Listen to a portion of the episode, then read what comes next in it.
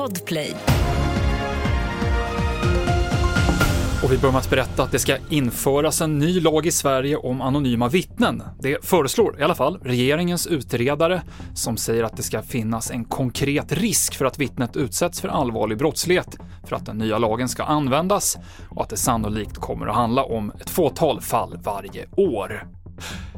Efter att fartyget Marco Polo gick på grund en tredje gång igår så rinner ännu mer olja ut i havet utanför Blekingekusten. Oljan ligger fortfarande på vattenytan, vilket gör att den går att lokalisera. Vi jobbar med eh, allt ifrån eh, våra största enheter ner till eh, det vi kallar för strandbekämpare. Små öppna båtar med tre man i besättningen. Vi har ett flertal sådana igång just nu.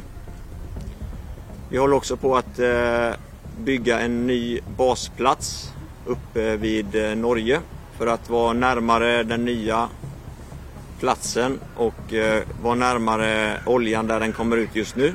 Tobias Boghult på Kustbevakningen sa det. Och antalet skjutna älgar i Norrbotten minskar kraftigt i årets jakt och kan bli det lägsta sedan mitten av 90-talet.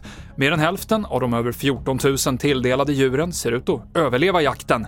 Det uppger Svenska Jägareförbundet för SVT och det avslutar TV4-nyheterna med Mikael Klintevall.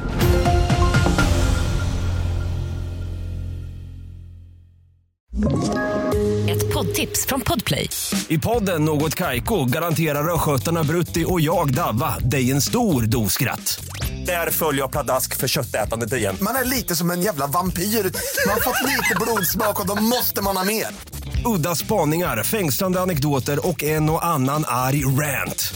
Jag måste ha mitt kaffe på morgonen för annars är jag ingen trevlig människa. Då är du ingen trevlig människa, punkt. Något Kaiko, hör du på Podplay. Därför är gardinerna.